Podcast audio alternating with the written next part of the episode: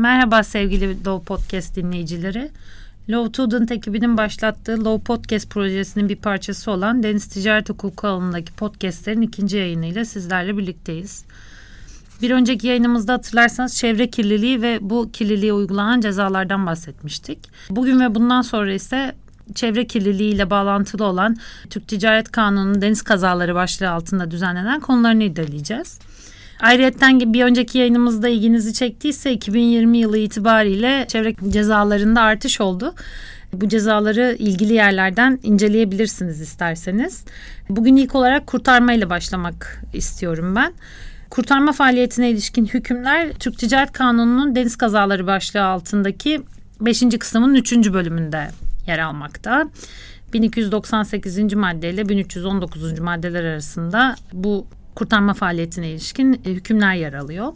Kurtarma faaliyeti ülkemizde ağırlıklı olarak Kıyı Emniyeti Genel Müdürlüğü eliyle gerçekleşiyor.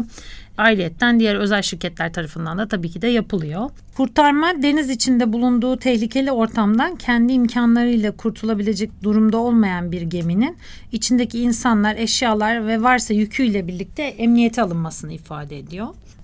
Doktrinde önceleri kurtarma ve yardım faaliyetlerini birbirinden ayırmaktaydılar. Kurtarma faaliyetinin iradesiz kalmış bir geminin, yardımın ise iradesiz değil ama denizde tehlikeye maruz kalmış bir geminin kurtarılmasını ifade ettiğini belirtmekteydiler.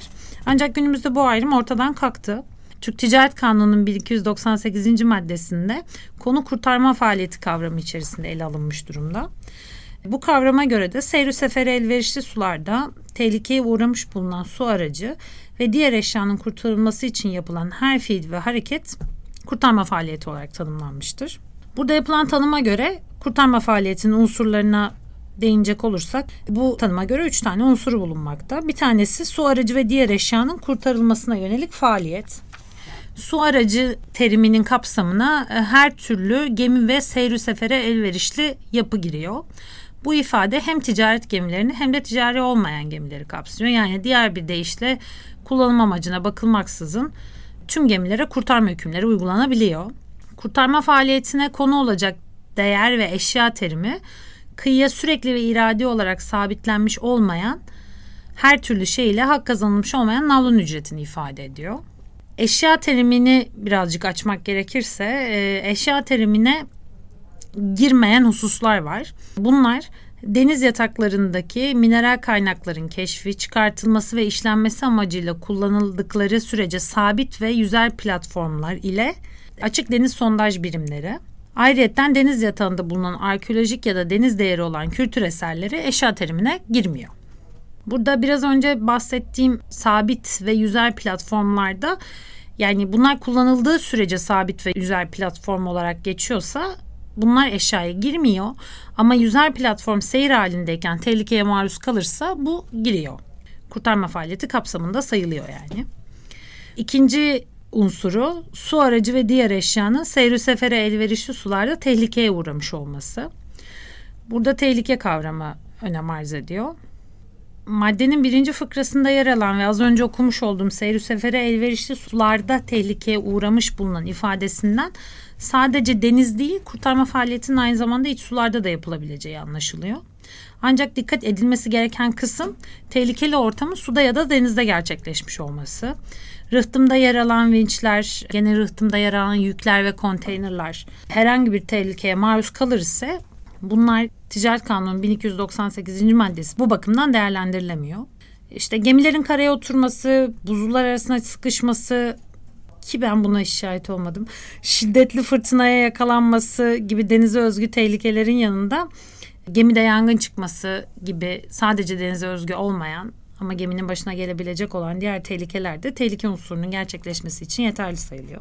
Üçüncü unsur olarak kurtarma faaliyetinde bulunulmuş olması ve faydalı sonuç elde edilmiş olması gerekliliği var. Kurtarma faaliyeti sonucunda gemi, araç veya diğer eşyadan bir şeyin kurtarılmış olması gerekiyor. Kanun 1304. maddesinin birinci fıkrasında faydalı bir sonuç vermiş olan her türlü kurtarma faaliyeti kurtarma ücretine istemeye hak kazanır hükmü yer alıyor. Aynı maddenin ikinci fıkrasında ise aksi yazılı olmadıkça faydalı sonuç vermeyen kurtarma faaliyeti için kurtarma ücreti istenemeyeceği yer alıyor. Kurtarma ücretini biraz açmak istiyorum izin verirseniz. Bunu yaparken bu konudaki uluslararası sözleşmelere de değinmek istiyorum.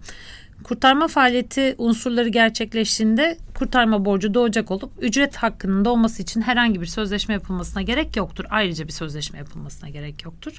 Ancak taraflar arzu ederlerse kurtarma sözleşmesi yapabilirler. Kurtarma ücreti taraflarca serbestçe tespit edilebilir. Belirlenmeyen hallerde ki genelde operasyonlar zorlu şartlarda gerçekleştiği için kurtarma sözleşmesini yapacak durumlar oluşmayabilir ya da zaruret halinde bu imzalanabilir. Ücretin belirlenmediği hallerde bu ücret mahkeme ya da hakem tarafından tespit edilebilir. Kanunda da kurtarma ücretini belirlemek için çeşitli kriterler yer almaktadır. Ancak bu tespitte dikkate alınacak birinci husus faydalı bir neticenin elde edilip edilmemiş olduğudur. Az önce bahsettiğimiz gibi. Ücrete ilişkin bu düzenleme no cure no pay prensibini gündeme getirmektedir ki bu noktada bir takım uluslararası düzenlemelerden bahsetmek gerekiyor. Bu düzenlemeler arasında öncelikle 1910 tarihli Brüksel Konvansiyonu'ndan bahsedebiliriz. Farklı ülkelerin iç hukuklarının farklı kurtarma hükümleri içermesi nedeniyle uluslararası alanda çıkan anlaşmazlıkların ortadan kaldırılması için 1910 tarihinde Brüksel'de bir anlaşma imzalanmıştır. Anlaşma No Cure No Pay adıyla anılan genel ilkeyi ortaya koymuştur. Bu prensibi düzenleyen anlaşmanın ikinci maddesi uyarınca faydalı bir sonuca ulaşmış her kurtarma faaliyeti uygun bir ücrete hak kazanır. Yapılan yardım faaliyeti netice vermez ise hiçbir ücret ödenmesi gerekmez. Ayrıca ödenecek ücret hiçbir halde kurtarılan eşyanın değerinden fazla olamaz. Maddenin ikinci cümlesinde hareket ile anlaşmada öngörülen faydalı neticeden geminin ve veya yükün bir kısmı veya tamamının kurtarılmasının ifade edildiği anlaşılmaktadır. Buna göre kurtarma faaliyeti sonucunda gemi ve veya yükün kurtarılmamış olması halinde kurtaran herhangi bir ücret alamayacaktır. Uzun yıllar uluslararası alanda no cure no pay kuralı uygulanırken 1978 yılında yaşanan ve 400 kilometrelik kıyı şeridine petrol yayılmasına neden olan bir karaya oturma hadisesi neticesinde uluslararası kuralların tekrar ele alınma gerekliliği gündeme gelmiştir. Zira karaya oturma hadisesinin yaşanmasının temelinde tehlike altındaki geminin kurtarma hizmeti alıp almayacağı ve bu hizmetin alınması gerekir ise kurtarma faaliyeti yapacak şirketin buna nasıl ikna edileceği hususunda kaptan ve donatan arasında uzun tartışmalar yaşanmıştır. Zira bu veya buna benzer olaylarda yükün kurtarma ihtimalinin az olduğu veya hiç olmadığı hallerde kurtarma şirketleri önceden bir sözleşme yapılmış olsun ya da olmasın ücrete hak kazanamama riskini göze almak istememekteydiler. Bu durumda özellikle petrol tankerleri söz konusu olduğunda deniz kirlenmesini ve dolayısıyla donatanın bu kirlenmeden doğan sorumluluğunu arttırmaktaydı. Tüm bu nedenlerle 1910 sözleşmesindeki no cure no pay prensibi tekrar ele alındı. Gerçekten de görevlerini gereği gibi yerine getiren ancak yükü kurtaramayan fakat çevre kirlenmesi zararını azaltan ya da engelleyen kurtaranın herhangi bir ücrete hak kazanmaması zaten hakkaniyete aykırı bir durum oluşturuyor. Bu değerlendirme ayrıca mevcut kurtarma kurallarının da gelişen deniz ticareti karşısında yetersiz olduğu sonucunu ortaya çıkarmış.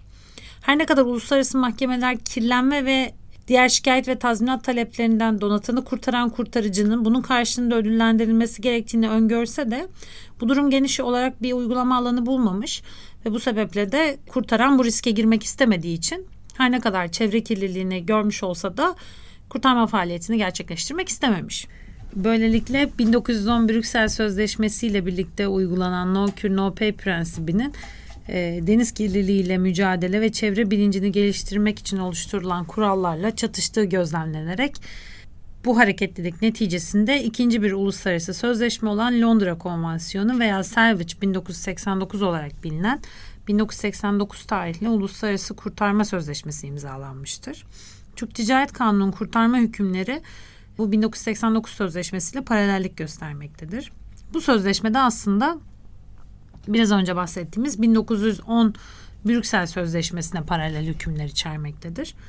Londra Sözleşmesi hükümleri hem kurtaranın hem de donatan kaptan ve yük sahibinin kurtarma faaliyeti sırasında sadece gemi ve yükün kurtarılmasına odaklanmalarını engellemekte ve bu faaliyet esnasında çevre kirlenmesinin de göz önüne alınmasına ilişkin yükümlülükleri getirmektedir.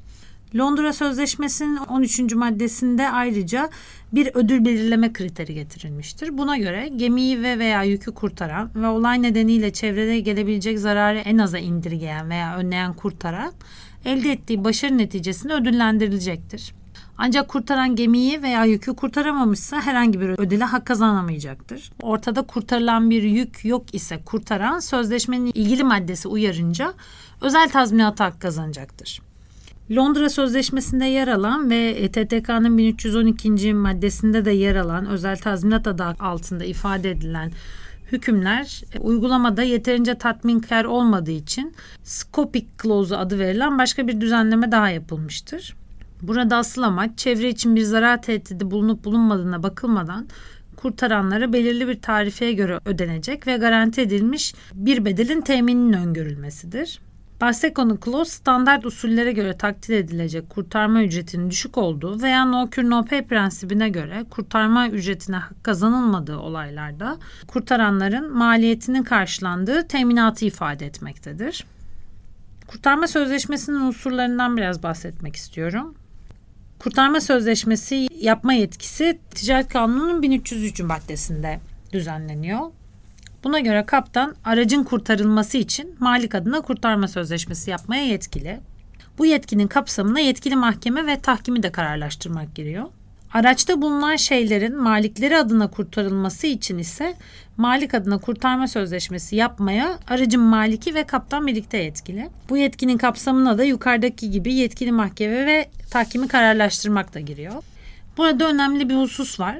Kaptan ve veya kurtarma sözleşmesi yapmaya yetkili kişi kurtarma hizmeti almaya karar verdiğinde takdir edersiniz ki ortada bir problemin olması gerekiyor.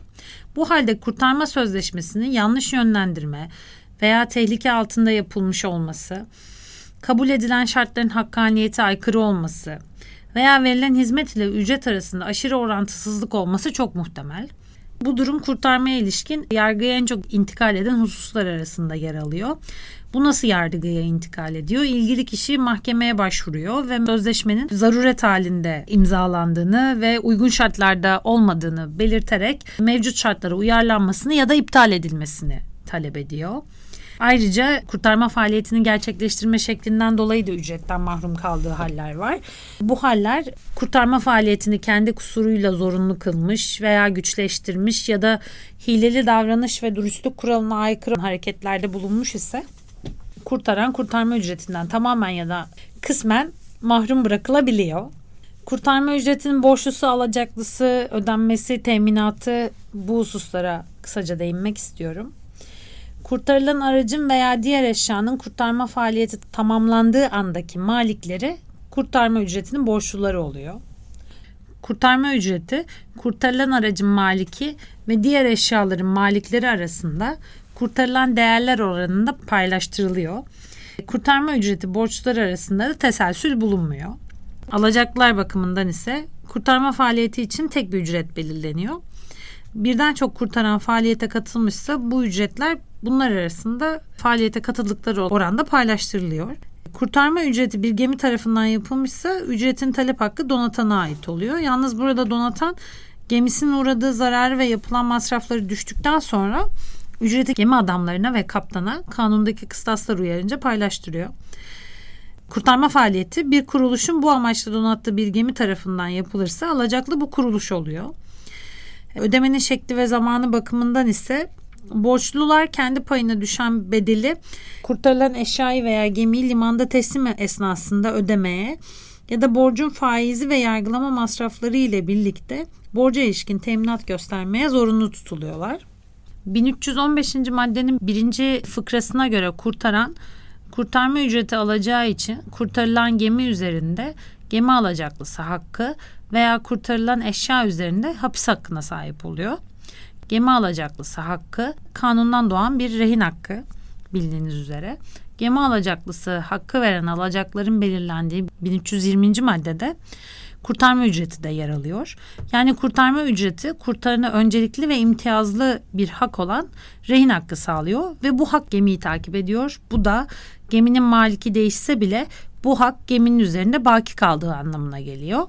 Çok ayrıntıya girmeden e, bugün sizlere ticaret kanunu çerçevesinde ve uluslararası sözleşmelere de atıf yaparak kurtarma faaliyetini anlatmaya çalıştım elimden geldiğince. Sizleri de sıkmadan. Bu yayınımızı Low Podcast Co SoundCloud ve Spotify'dan dinleyebilirsiniz. Yayının başında da belirttiğim gibi ticaret kanununda deniz kazaları başlığı altında düzenlenen diğer hususları da bundan sonraki yayınlarımızda irdelemeye devam edeceğiz. Teşekkür ederim.